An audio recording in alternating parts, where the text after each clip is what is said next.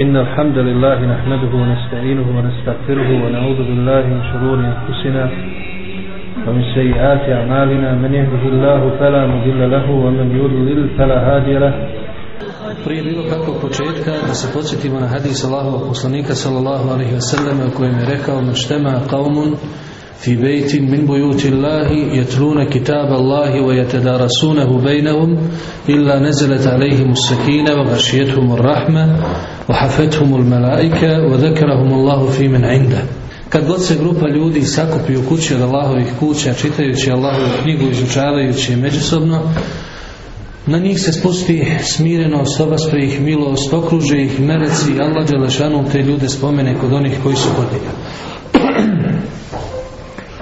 Znači spomene ih imenom i prezimenom, znači dičeći se tim svojim robovima, ističući da je uistinu stvaranje Adama ali Selama bilo svrsishodno, da nije bilo uzaludno i da od Ademovih potomaka ima onih koji provode vrijeme uz Allahovu objavu i provode vrijeme izučavajući Allahovu objavu. Molim Allah Đelšanu da ovo sjelo bude jedno od tih sjela koje će se računati u izučavanju Allahove objave, a zatim Čovjek je spoj duše i tijela. Znači nema nikakve sumnje da čovjek ima tijelo i ima dušu. I ne smije čovjek zapostaviti ni jedno ni drugo. Današnji čovjek zapostavio je dušu. Uglavnom, znači za zecima koji brinu o svojim dušama, ali uglavnom ljudi su zapostavili duše i vode računa samo o svome tijelu. O zdravlju tijela, o liječenju tijela, o uzdržavanju tijela, o tijela i tako dalje. A svoj drugi dio, svoj važniji dio po kome oni i jesu ljudi.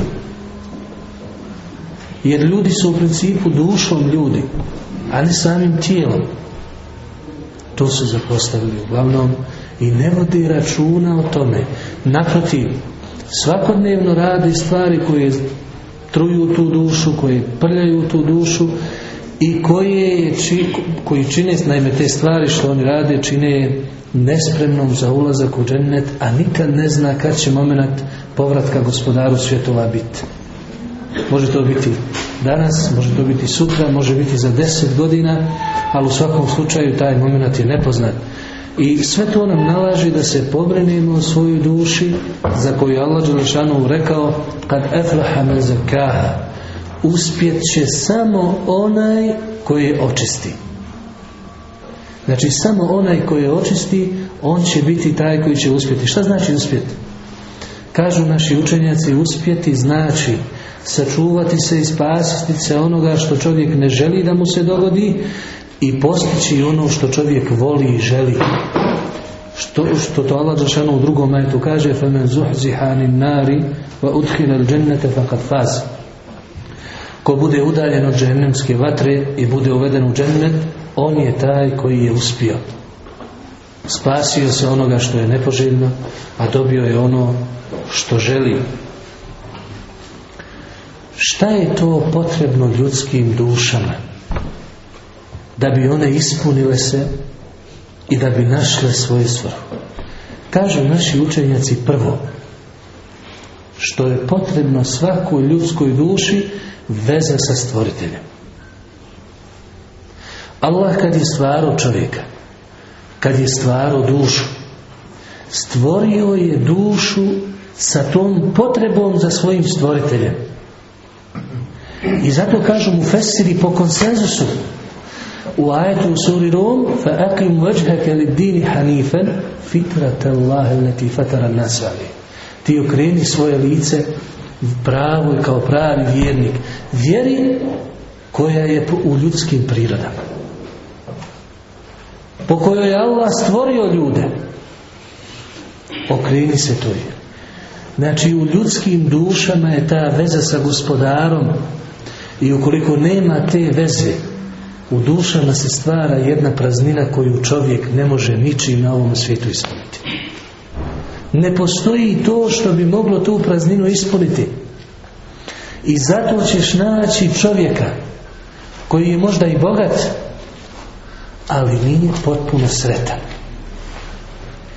Koji možda je uspješan u svom nekakvom poslu i ostalo, ima možda i porodicu, ima sve, ali ti kad razgovara s njim vidiš da mu nešto fali.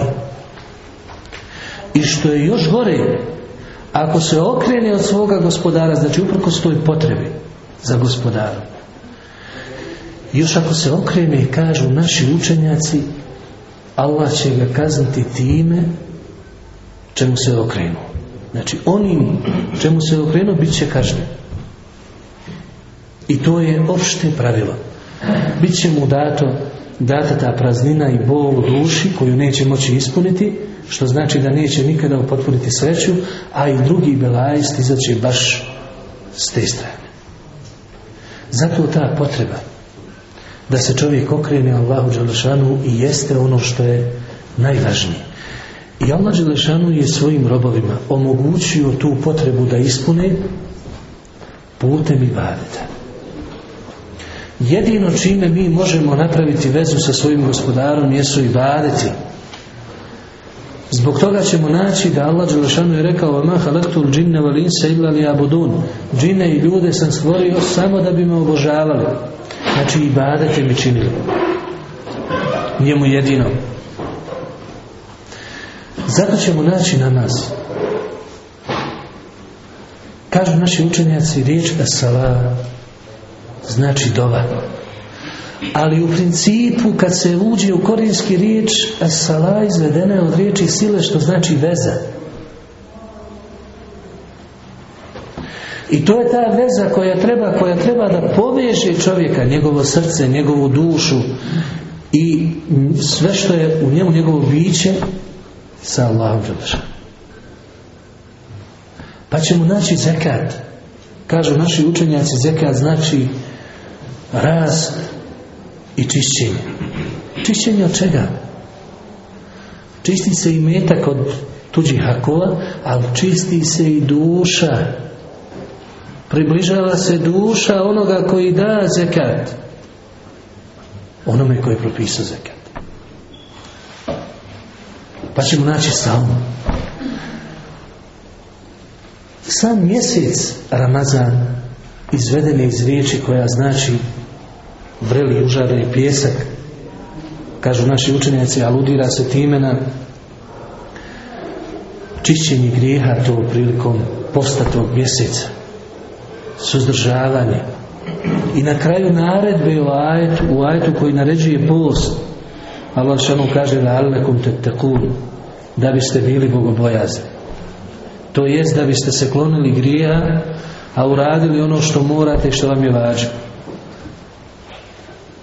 Znači, tu je cilj. Upravo to. O samom hađu suvišno je govoriti koliki on ima utjecaj na ljudske duše i na ljudska srca. I na kraju kažu naši učenjaci, kada vidiš Allaha Đelešanu, da ti daje nakon dobrog djela i opet ponovo da radiš dobro djelo otvoriti druga vrata dobrog djela, to je znak da ti je Allah Đelšanu primio prvo, da ti je očistio dušu i srce i da si sprema za drugo novo dobro djelo. Svaki put. Prema tome ti i badati. To je ono što treba našim dušama. To je ono što, što je ta veza koja nas spaja sa Allahom Đelšanu da bi ispunila našu tu duhovnu, duhovnu potrebu. Zbog toga je interesantno da ashabi, prvi put kad je, kad je došla objava, ashabi su radi Allah anhu, prvo što im je bilo propisano, jeste noćni namaz. Noćni namaz znači ibadet kojim je Allah Đelešanu htio da ih odgoji. Pogotovo na tom prelazu iz džahilijeta, širka i ostalo u dobrotu islam i Allahu jednoću propisao im je na nas kao obaveznim da ih čisti. I dugo je to bio jedini ibadet koji im je bio obavezan. Jedini ibadet koji im je bio obavezan. Što znači da je to bio vid čišćenja i vid njihove veze sa Allahom Đelešan. Znači ibadet je prvo na tom putu našeg uspostavljanja kontakta sa Allahom Đelešan. Drugo, Allahova objava. Jedino kako je se Allah Đelešanu obraćao svim ljudima od Adem a.s.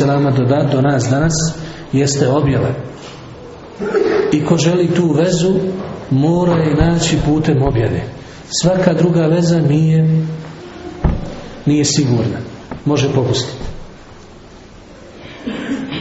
A objavu, kažu učenjaci, mi ćemo napraviti od objave sebi vezu ako uradimo sljedeće. Prvo, ako je budemo čitali, kao što Allah kaže, utluma uhije ilik. Čitaj ono što ti je objavljeno. Poslanik sallallahu alaihi wa sallam je rekao, men tarikan, jel temi fihi ilma, sehel Allahu lehu bihi tarikan al Ko krene putem, na kojem stiče znanje, Allah će mu olakšati put ka džennetu. Osnova znanja, odakle se crpi znanje šta? Allahova objava. I ako krenemo putem čitanja i šitavanja te Allahove objave, onda u tom slučaju bit će nam olakšan put ka džennetu, što znači da ćemo uspostaviti tu vezu sa Allahom dovoljno da bi se na nas odnosio ajet فَمَنْ nari wa وَاُدْحِلَ džennete fakat فَازِ ko bude udaljen od džehennema i bude uveden u džennet, on će taj biti koji će uspjeti. Drugo, treba to razumjeti. I kažu naši učenjaci, razumjeti i razmišljati o Koranu je vađiv Nije neko proizvoljno djelo, nego vađiv I razlika između vjernika i munafika. Jer ono zbog čega je Allah Đelešanu ukorio munafike jeste što nisu razmišljali o Kur'anu. je al Kur'an. A zašto oni ne razmisle o Kur'anu? Kaže Kurtubi u svom tefsiru, to jest zašto munafici ne razmisle o Kur'anu. Znači ne razmišljaju o njemu. Također, naši učenjaci kažu na osnovu hadisa koji je zabilježio imam muslim u svom sahihu, u kojem je poslanik sallallahu alejhi ve sellem rekao kada su mu objavljeni ajeti inna fi khalqi samawati wal ard wa ihtilafi al-layli nahar la ayati li ulil albab u stvaranju nebesa i zemlje u smjeni dana i noći zaista su ajeti za one koji imaju razuma rekao je teško li onom koji ih bude proučio a ne bude o njima razmislio kažu naši učenjaci prijetnja ne dolazi za neko djelo koje je samo poželje nego samo za djelo koje je obavezno. I treće, ako želimo od objave napraviti vezu sa Allahom Đelešanu, to je da radimo po onome što je naređeno tu. Zato naši učenjaci kažu riječ tilavet. Čuli ste za tilavet Kur'ana. Tilavet, kažu naši učenjaci, je riječ koja znači da nešto dolazi iza nečega. Što znači da nakon čitanja dolazi šta? Razumijevanje toga pa dijelo i tako dalje. Prema tome to je osnova i glavni cilj zašto je Kur'an i objavljen i zato neki mu fesiri kažu u tefsiru ajta u kojem je Allah Žešanu rekao eledina je hu haqqa oni koji ga uče istinski to jest rade po njemu to je drugo, drugi način kako da mi napravimo i uspostavimo vezu sa Allahom Đelešanom što je naša ljudska prirodna potreba bez čega smo nesretni i nikada nećemo imati sreće zato možemo biti i često smo i nervozni i ljuti smo i brzo planemo i kad nas neko dirne i kad nam neko nešto kaže i kad nas ne dirne nekad nekad smo ljuti sami na sebe zašto? nema te tog duševnog zadovoljstva nema te duševne ljepote, širokogrudnosti koja čovjeku otvara da dan koji nastupi i dan koji svane, on čeka s oduševljenjem. Nema toga. Naravno, ima onih koji to drže, ali kažemo, kod onih kod kojih se ne pojavljuje to. I to je taj problem. Treći, treći su dobra djela i dobrovoljni ibadeti. Poslanik sallallahu alejhi ve selleme je praktikovao uvijek nakon sabah namaza ostajati i učiti zikr dok sunce ne izađe pojavi se. Pa isto tako na večer pazio da prije zalaska sunca ne prođe mu vrijeme tako nego da ga provede u, u Pa je jedan dio noći, kaže mu kaj u dijelu zadu na da je svaki dan poslanik praktikovao po 40 rekata klanjati redovno. 40 što farzova, što na fila. A van toga, znači osim toga, osim tih redovnih 40, često je bilo i više. Namaza sa vima namaza nekad zbog toga što je čovjek u brizi i tužen i tako dalje. Što se tiče dobrovoljne sadake, koliko ona na čovjeka utječe, to je nešto nevjerovatno. A posebno treba probati i iskušati tajno uvjedivanje da niko ne zna. I to je uputa naši, naših učenjaka i naših pobožnjaka od prije. Da su uvijek praktikovali da imaju neko tajno djelo za koje drugi ne znaju. Posebno kada je u pitanju sadaka. I zato se prenosi da je Zainul Abidin jedan od alima i učenjaka kada je on jednom prilikom umro. Ali prije njegove smrti gdje god u tom mjestu je bila udovica ili siročad ili siromašan čovjek, nađu ujutro kad ustanu pred vratima namirnice, brašno i tako dalje. Uglavnom nešto nađu. Neko ostavi navečer, a ne zna se ko je. I to je bila zagonetka sve dok nije umro taj čovjek. Kada je umro taj čovjek, otkrili su da je to bio on. A niko nikad nije saznao da je to on. Kako su otkrili? Našli su na njegovim leđima tragove špaga ili kanapa na kojem je nosio sve te završne. I naravno nakon njegove smrti nije više bilo toga da ostane pred vrati Znači do svoje smrti imali su te neke tajne ibadete koje su, koje su praktikovali. To je veoma poželjno za čovjeka i kažu učenjaci preporučljivo svakome zato što to, to tajno djelo koje je obično najiskrenije čuva čovjeko ima. Sljedeće što učenjaci spominju što je duši potrebno i što, što čovjeka čini sretnim i zadovoljnim jeste spominjanje Allaha Đalaša. Kaže Imam Gazali, najvredniji zikr je onaj koji, koji čovjek uradi srcem i jezikom zajedno. Zatim srcem, zatim jezikom ali svaki je dobar. Čak i kad čovjek nije prisutan, recimo, u mislima i ne uživa srcem, neka spominja Allah i to je dobro. Ne smijete.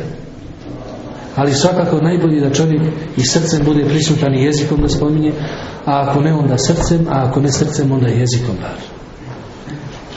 Jer zikr, spominjanje Allah je štit za čovjekovu dušu i ispunjava čovjeka zato što na taj način on veliča i zahvaljuje onoga što je sve dao oko njega i tako da će, tako da nikad naime neće zaboraviti zahvalnost na svemu što mu je, što mu je dao. I posljednje što ćemo večeras spomenuti u vezi s tim što je čovjeku potrebno, što je čovjeku potrebno da bi ispunio svoju tu duševnu potrebu jeste lijep i dobar odnos sa svim ljudima. Lijep i dobar odnos sa svim ljudima. A lijep i dobar odnos, kažu učenjaci, manifestuje se na tri načina. Prvo je da poštedimo druge naših neprijatnosti, da ih ne uznemiravamo. Drugo, da im činimo dobročinstvo koliko smo u i treći, da se snima kad, kad se susretnemo, susretnemo s osmijehom, sa pozdravom i tako dalje, sa Znači, to je ono što, što čovjeka ispunjava u vezi sa međuljudskim odnosima i svako ko drugim ljudima čini nepravdu. Uhodi ih, prijavljuje ih, pravi im sihir, zavidi Takav čovjek ne može biti sretan i nikada neće biti sve. I kogod se zabavi drugim ljudima u zlu, takav nikad neće naći dobro. Nego čovjek treba da se posveti Allahu Đelešanu, a stvorenjima treba da čini samo dobro i ništa drugo. I na kraju bilježi nam imam Tirmizi u svom sunenu da je poslanik sallallahu alaihi sallam rekao Ittaqillaha hajthuma kunt وأتبي السيئة الحسنة تمحوها وخالق الناس بخلق حسن Budi bogobojazan mak gdje bio, nakon svakog lošeg djela uradi dobro da bi ga izbrisalo i s ljudima se na najljepši način ponaši. Molim Allah da naše duše ispuni, da ih učini vjerničkim dušama, onim dušama za koje će meleci reći kada ih budu uzimali selamun alaikum tibtum fatkuluha Khalidin neka je selam na vas, čisti ste i uđite u njega vječno i da nas učini od onih koji će slušati najljepše i slijediti ono što je najbolje. Ako imate vi nekakvih dopuna rasprava i slično, bojru, na kolu hada, wa sallallahu ala nabina